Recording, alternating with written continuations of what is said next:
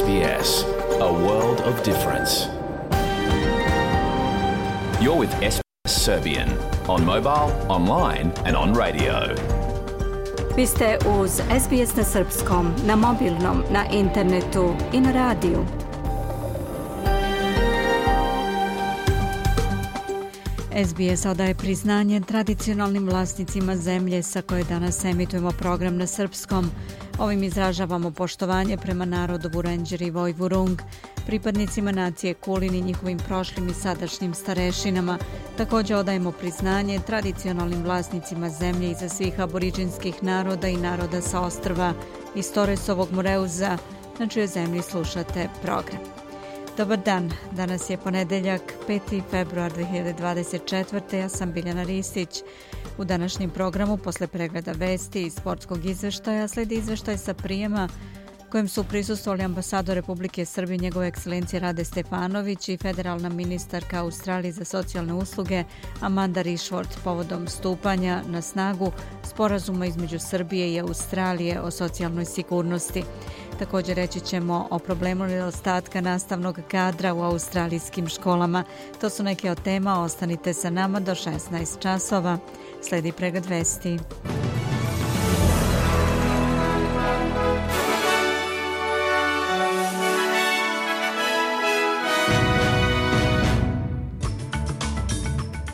Australijski pisac Yang Hengyun osuđen na uslovnu smrtnu kaznu u Kini. Lovitija Odonjahu, istaknuta aboriđinska aktivistkinja, preminula u 1991. godini. Vladika Teodosije posjetio preostale Srbe u Goraždevcu i Srbe povratnike u Osojanu.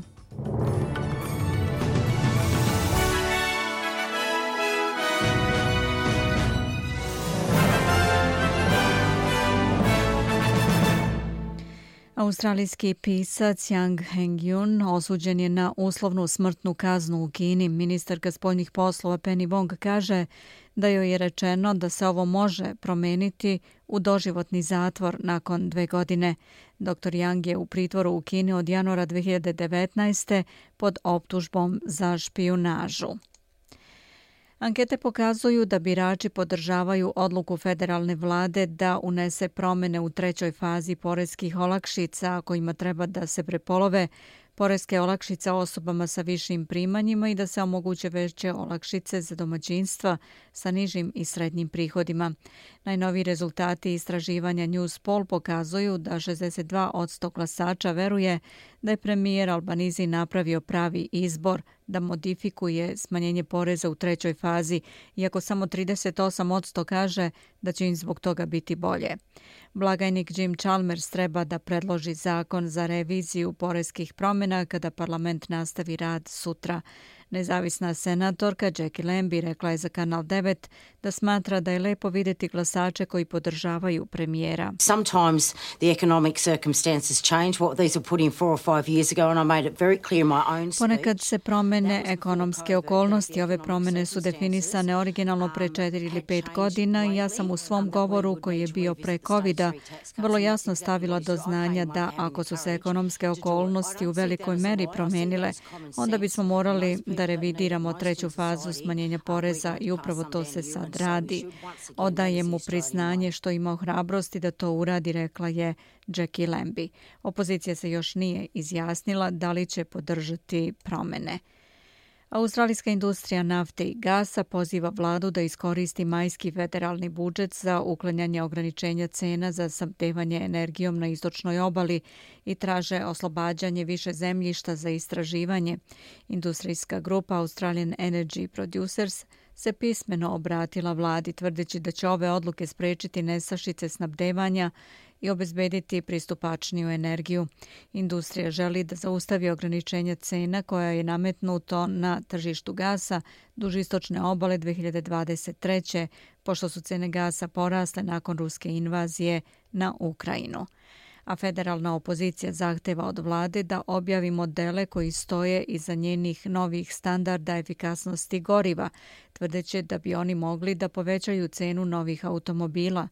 Nova pravila koja će stupiti na snagu sljedeće godine stavit će Australiju na ambiciozan kurs za smanjenje emisije izduvnih gasova iz automobila za 60% do 2028. Pravila u skladu sa pravilima koja su uvedena u Sjedinjenim državama 1970-ih primorat će proizvođače da balansiraju prodaju vozila na benzin sa vozilima niske emisije ili sa nultom emisijom a suočit će se sa kaznama ako to ne urade. Politički lideri danas odaju počast ženi naroda Jankarejara.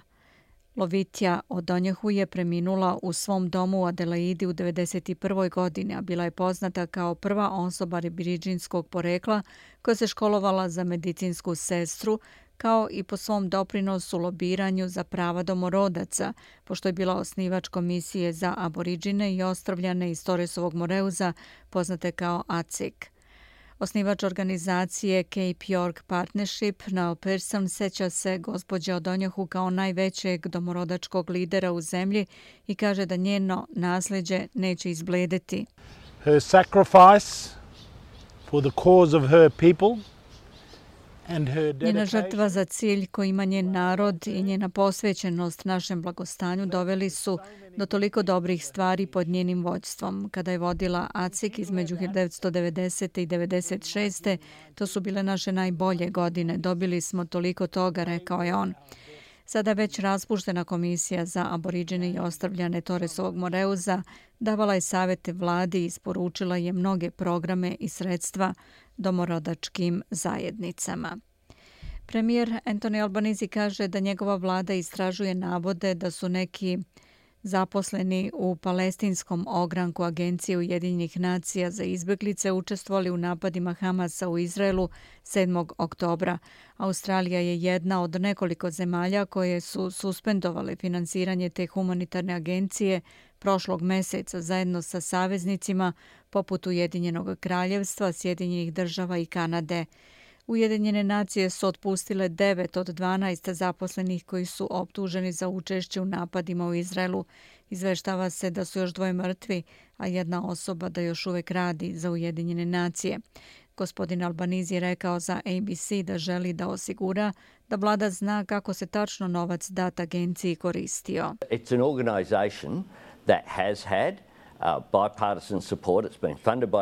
To je organizacija koja je imala dvostranačku podršku. Dugo je Australija finansirala tu agenciju kao i naši istomišljenici, ali sad želimo da budemo sigurni da će organizacija svaki dalar koji dobije koristiti u svrhe za koje je dat. Sjedinjene države saopštile su da nameravaju da izvedu dalje udare na grupe koji podržava Iran na Bliskom istoku nakon što su pogodile ciljeve u Iraku, Siriji i Jemenu. Portparol vojske Huta, Jahja Sarea, rekao je da će grupa koju podržava Iran odgovoriti nakon što su Sjedinjene države, Ujedinjeno kraljevstvo i saveznici, uključujući Australiju, izveli napade na 36 meta Huta u Jemenu 3. februara. Iran i Irak su istog dana osudili napade Sjedinjih država u Siriji i Iraku, u kojima je navodno poginulo skoro 40 ljudi. Sjedinjene države saopštavaju da su pogodile više od 85 ciljeva povezanih sa milicijama koje podržava Iran i njihovom islamskom revolucionarnom gardom.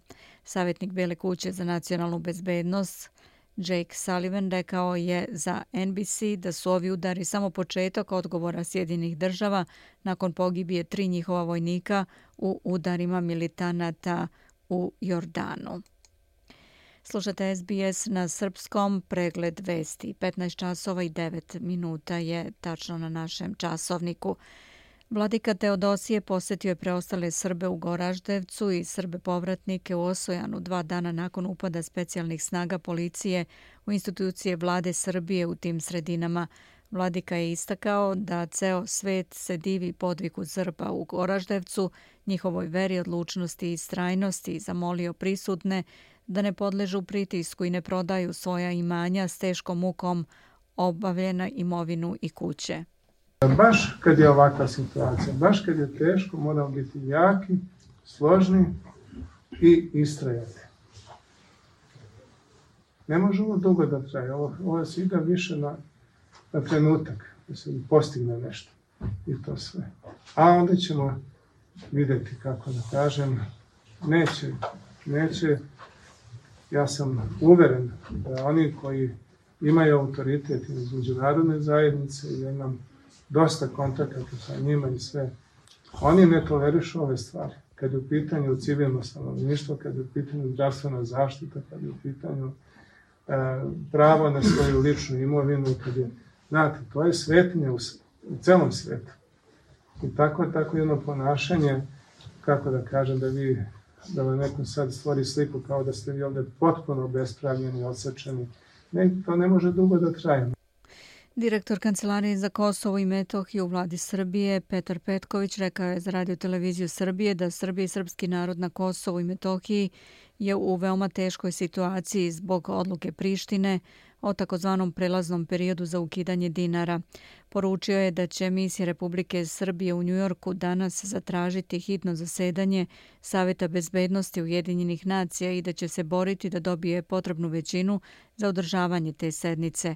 Naglasio je da ohrabruje posljednje saopštenje Jeffrija Hovenijera, koji je, kako je rekao Petković, prvi put jasno i direktno spomenuo napad na srpske institucije na Kosovo i Metohiji, ocenio da je važno što se Sjedinjene države tako direktno obratila od samog početka krize. Početka kada je kriza krenula, ovo je već treće njihovo saopštenje, tako da različit je ton u odnosu na sve njihova prethodna saopštenja, tako da se nadam da neće ostati samo na verbalnom nivou, već da će i Amerika preduzeti konkretne akcije po tom pitanju. Naravno, Amerika neće menjati svoju politiku prema takozvanom nezavisnom Kosovu i Metohiji, ali u ovom slučaju, kada je u pitanju dakle, ukidanje dinara koje stvara humanitarnu katastrofu na Kosovu i Metohiji u srpskim sredinama, vidimo e, drugačiju reakciju. Misija Organizacije za evropsku bezbednost i saradnju OEPS na Kosovo i Metohiji saopštila je da je od suštinskog značaja da se prava kosovskih Srba u potpunosti poštuju, dodavši da pažljivo prati odluke i akcije prištinskih vlasti, uključujući uvođenje nove uredbe o zabrani dinara, iznenadno zatvaranje ustanova koje nude socijalne ili zdravstvene usluge pripadnicima najvećinskije zajednice moglo bi imati negativan uticaj na pojedince i porodice ograničavanjem njihovog pristupa nekim osnovnim uslugama. Zaštita dobrobiti pogođenih zajednica, uključujući posebno ranjive grupe, treba da bude prioritet pre sprovođenja takvih politika ili odluka, poručuje se između ostalog u saopštenju OEPS-a objavljenom na X mreži. Broj žrtava šumskih požara koji bukte u Čileu porastao je na 99. Prethodni bilans stradalih iznosio je 64. Stotine ljudi je nestalo, saopštio je predsjednik Čilea Gabriel Borić. Pero esa cifra va a crecer. Znamo da će ta brojka rasti, značajno će porasti. Vatra napreduje veoma brzo, a vremenski uslovi koje smo imali juče i danas učinili su gašanje požara mnogo izazovnijim, rekao je predsjednik Borić.